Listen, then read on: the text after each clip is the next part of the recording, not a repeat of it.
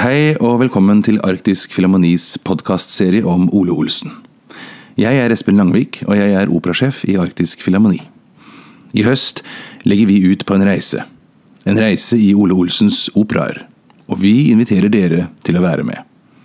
Sammen med syv sangere, en pianist og operadirigent Terje Boje Hansen vil vi presentere Ole Olsen for dere. Både hans musikk og hans liv. Dere vil få høre musikk som aldri før er blitt fremført, og også få vite hvordan det kunne være mulig at Nord-Norges fremste komponist ikke er blitt fremført mer enn han har blitt. Det er fire operaer, og vi skal ta dem for oss, én etter én. I fem episoder framover vil dere møte operahistoriker Trond Olav Svendsen i samtale med Terje Boje Hansen. Gjennom disse samtalene vil vi presentere litt mer inngående det som dere vil møte i konsertforedragene, og gå litt i dybden på både musikken og mannen Ole Olsen. Jeg håper dere vil sette pris på disse podkastene, og jeg håper også å se dere i salen, enten i Hammerfest, Bodø eller Tromsø. Men nå først Terje Boje Hansen og Trond Olav Svendsen.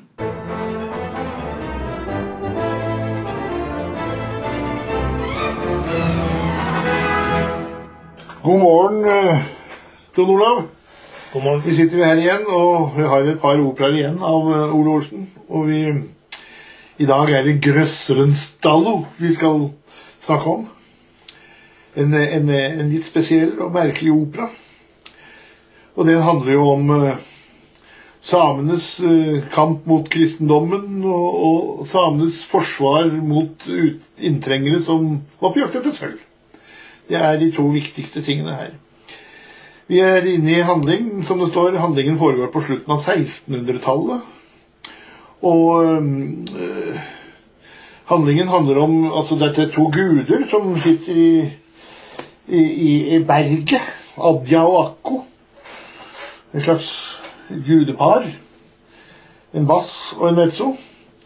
Og de sitter og beklager, eller Adja sitter og beklager seg over tidene som er. og og over, over, at kristendommen tar over, og de har ikke så stor makt lenger. og til og, med på det, til og med så er det utenlandske bergverksarbeidere som kommer og tar sølvet fra dem. Eller leiter iallfall etter det.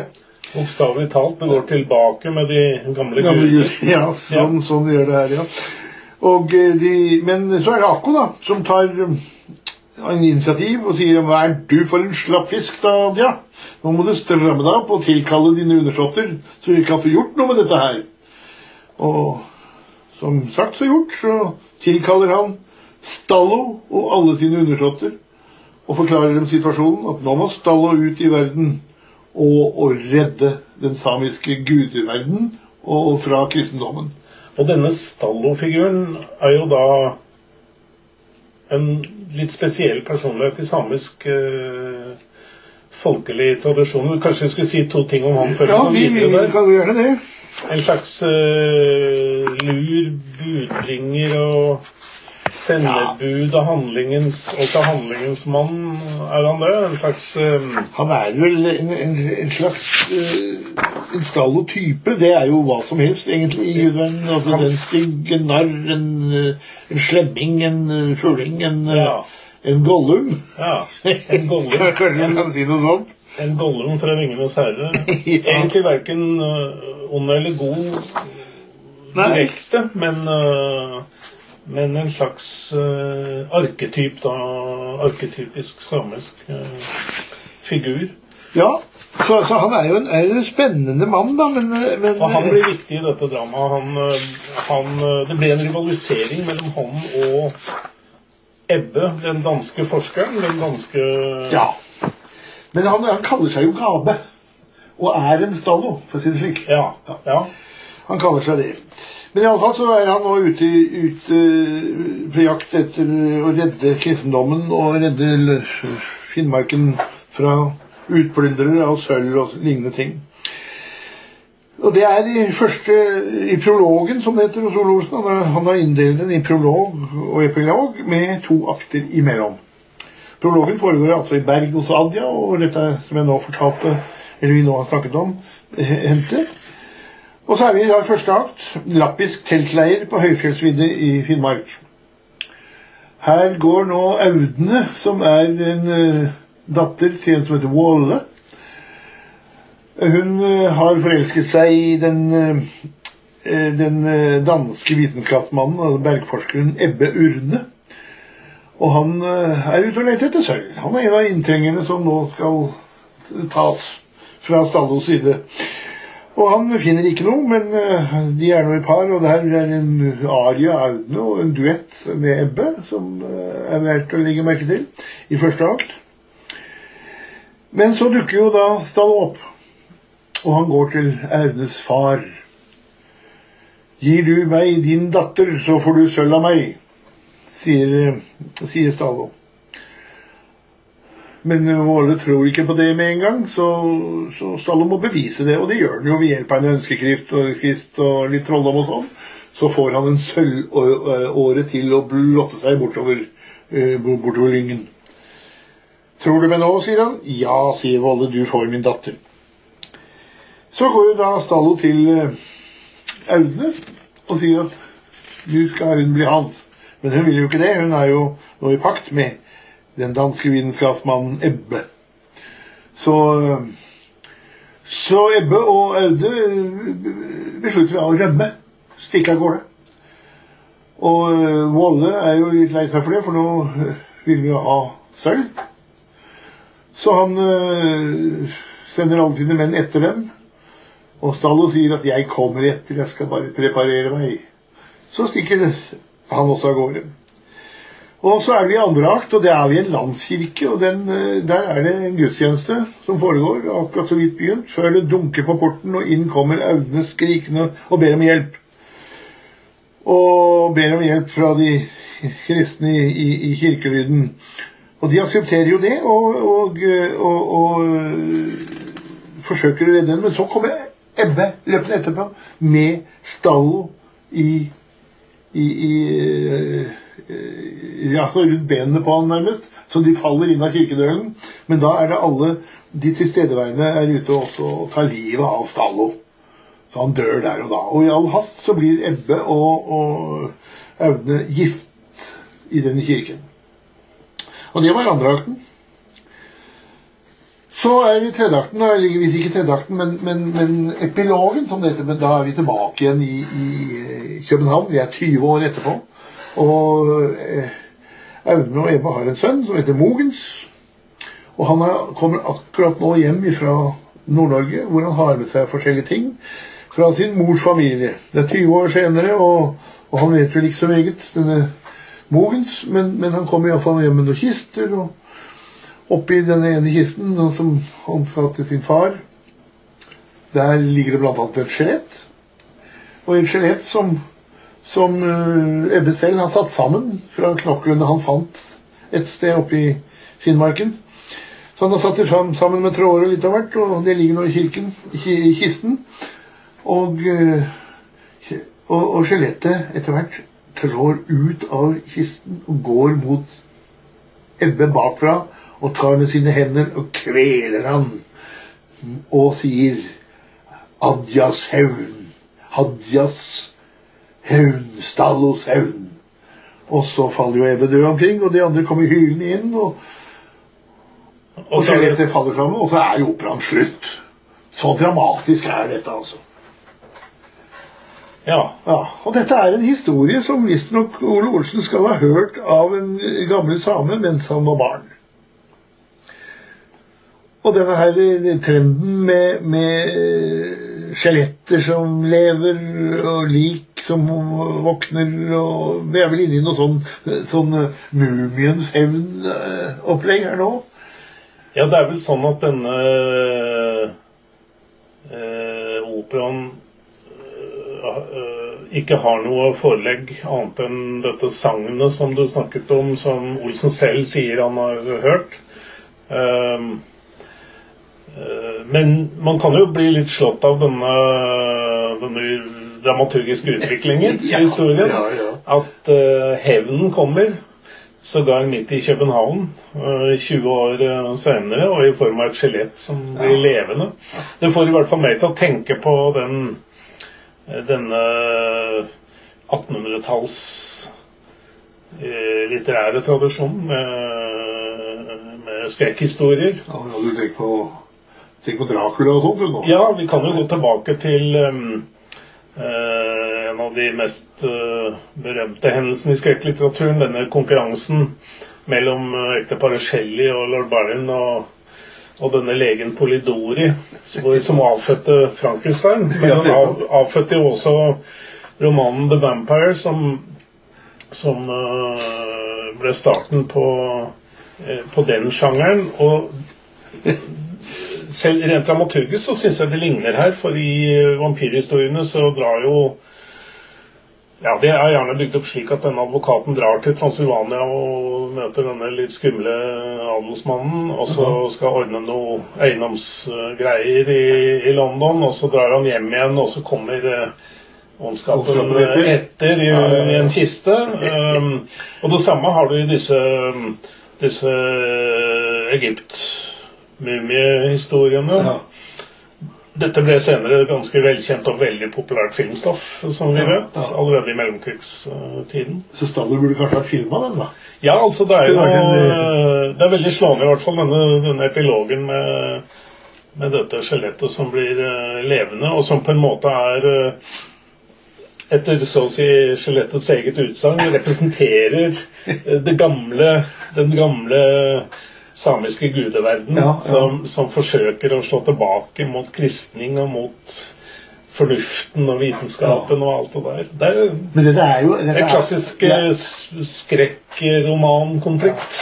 Men det var jo også midt i fornorskningstida, dette her, så, så Ja. det er jo klart at det, det oppstår sånne, sånne ting som dette her. Men i dag så hadde det jo ikke skjedd sånn.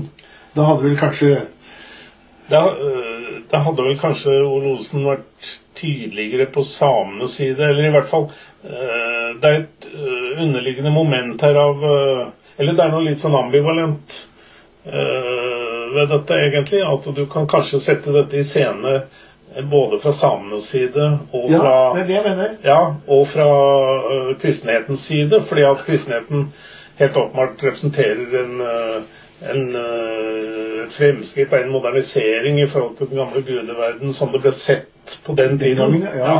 Men samtidig så I dag så vil vi se denne vekten som legges på utplyndringen i anførselstegn Ja, første stein av det samiske. At, de, at, øh, at disse kommer sørfra og henter ut sølv og henter ut malm og sånn. Det vil vi se på som et er overgrep mot samene. ikke sant? Så, Det er jo sånne tendenser ennå, med, ja, med gruvedrifter og dette er jo en og, øh, øh, det, det er jo en problemstilling over hele verden med urbefolkninger og Men ressurser. noen steder har jo urbefolkningen fått igjen sine Ja, de har jo det. Dette er, det er jo en prosess som har pågått lenge. og F.eks. Uh, Nord-Amerika, altså USAs urinnvånere, har jo fått tilbake områder og sånt. ja. Eh, Men det er en historie om, om i Nord-Norge også at eh, en vei til et eller annet sted som ble bygd litt annerledes, for det sto Ja. en stor stein der som Ja. symboliserte stallen. ja, Og det kunne man ikke gjøre noe med. Den måtte man gå utenom og ville gjerne ha den vekk, men, men det turte man ikke da. nettopp. Av respekt for den samiske kulturen. Nettopp. Nei da, akkurat det der er eh, Samtidig er det en slags underholdningsromanaspekt. Sjangerromanaspekt som vi er enige om, da. Dette med mumiens hevn, holdt jeg på å si. Ja. Så, Men så er det musikken her, da. Den er jo, den er jo veldig også spesiell. Han er litt moderne igjen. Og, Når var det han skrev denne han, operaen? han skrev vel rundt uh, på, helt på begynnelsen av 1900-tallet. Ja. Det er visstnok Teksten skal ha vært ferdig i 1899. Den er skrevet rett etter at Laila ble skrevet, men faktisk flere år før Laila fikk premiere. Ja, men uh, det Så var nok noen år imellom etter at Leila var ferdig i 96, 95, 96. Ok. Og denne teksten her kom i 99. Ja, men, Og den, eh, den ble, ble men Laila er jo også en samisk eh, Ja, ja, opera, ja, ja, ja. og, og så han hadde den erfaringen at han hadde skrevet den, men han hadde ikke erfaringen av å, Å se den? se den. Nei, nei, nei, det kom senere. Laila ble spilt senere. ja da. Men, Og Stallo da ble ikke spilt. Det vil si den fikk en oppsetning i, i Kristiansund for eh, noen ja, år det er riktig. For den snart, snart 20 år siden, faktisk. Ja, den er Den er framført, denne her Stallo. Oppført i vår tid. Ja. Men eh, vi kan jo nevne at teksten er, som, som jeg nevner eh, så, som Og Bjørnstjerne Bjørnson skal i sin tid ha gitt Stalos tekst de beste lovord. Så eh, Og det er en morsom, eller ikke morsom, men en god tekst. Og, og, og, og, musikken er utrolig lovende. Men, men det er problemet er at man henger seg veldig opp at det skal være muntert og lyst. og, og, skal, Vi skal jo gledes i hjel, mores i hjel. Men dette her er altså alvor. Og det er eh, kun eh, Bortsett fra Bortsett fra, fra sopranen Audene, så er de fleste, og, og mezzoen, da, Akko, så er de fleste baritoner og basser. Ja. Den eneste lille tenorsnutten er Mogen som kommer hjem igjen i, i epilogen. ja vært som kommer hjem Ja. i siste Så det er eh, Og den, den eh, Han gjorde nok sitt til for å få, for å få den framført også. Men eh, Ja, han, ah, det er iallfall noe brev som eh, er fra 1904. Og innbiller meg at det er til Johan Svendsen. Så hvor han henvender seg om dette her operaen, og han sender jo hele teksten og alt sammen dit ned. Og, men det ble liksom ikke noe ut av det da. Og han sender vel antageligvis også det, teksten til Nationaltheatret, hvor eh, Ja. Johan Halvorsen eh, regjerte. Men jeg hørte jo ingenting før etter et initiativ sånn rundt uh, slutten av 1915, i desember 1915. Så får han et brev om, han, eh, om at de er interessert i å, å, å, å gjennomgå dette igjen. fra Nationaltheatret. Fra Nationaltheatret, ja. Og øh, han får et spørsmål om å sende et klaveruttog som, som det heter, da, til endelig gjennomsyn. Og halvannen måned etterpå så får han svar fra John Halvorsen om at dette her er ikke noe som de kan sette opp, for de har ikke folka til det. De mener at de har ikke De kan ikke besette det, og dessuten så er det dystert, og det er, det er, det er mørkt sujett, og, og ikke noe glede. Og, og Nasjonalteatret ville ikke ha en, Ja, grøss, de ville ikke ha en grøsser. de ville ikke ha en grøsser på den tida, og de hadde nå hatt, nettopp hatt erfaringen med, med to operaer, to enaktere av Gerhard Schjelderup samme året. Og, og Ja, de hadde jo da spilt Laila, Laila noen år før, og de hadde hatt et par operaer av, av, av uh, Hårklau inne i bildet. Så Ja. jeg, jeg sitter og føler som at eh, den refuseringen som kom fra Johan Halvorsen her, var rett og slett satt sånn at nei, nå skal vi ikke ha noe mer norsk på en stund. Nå er det så mye fint øde der ute i verden som må komme hit. Så, så jeg sitter igjen med en følelse av at det er eh, slik den ble behandla den gangen. Og der endte jo Soga om Stallo da, i første omgang i hvert fall. Den ble Ja, ja. aldri spilt i, i Ole Olsens levetid, og heller ikke lenger ut i det 20. århundre. Men Men vi kan jo si som så at det ble altså spilt for ca. 20 år siden i Kristiansund. ja, Men vi har ikke noe resultat derifra som er hørbart for den store hop. For oss vanlige mennesker. Det er ikke noe, det altså, jeg regner med at hvis det blir spilt på en av de store scenene og med de store symfoniorkestrene noen gang, så, så vil det forefinnes et opptak Ja. som du og jeg kan få høre. ja. Det er jo det som er problemet. Så synes jeg at vi, vi, går litt, litt i ring hele tiden. For, for uh, vi ser disse partiturene ligger der, og så gjør noen en slags interesseframstøt og gjør noe. Men det, det blir ikke noe resultat av det, for i dag er vi avhengig av å høre. Folk leser jo ikke partitur lenger, og spiller ikke firehendig klaver og operaer i pianoversjoner. Vi, vi, vi må, må høre det vi hører, og det må da være på, på YouTube eller på Spotify. Og er det ikke det, så, så blir det neglisjert. Vi kan vel konkludere med at øh, distriktene ofte er mer interessert i sånt stoff enn de store sentrale scenene våre. Ja, helt klart. Helt klart. Og, men hvis distriktene hadde hatt den store muligheten til å gjøre gode opptak, så Ja. burde du gjøre det og legge det ut. Mm. Så det er tilgjengelig. Det bør ikke være så genialt bestandig, men, men at det er eh, gir mersmak. I, så vi vi gidder å prøve igjen og få, til, få, få, få fram gode opptak.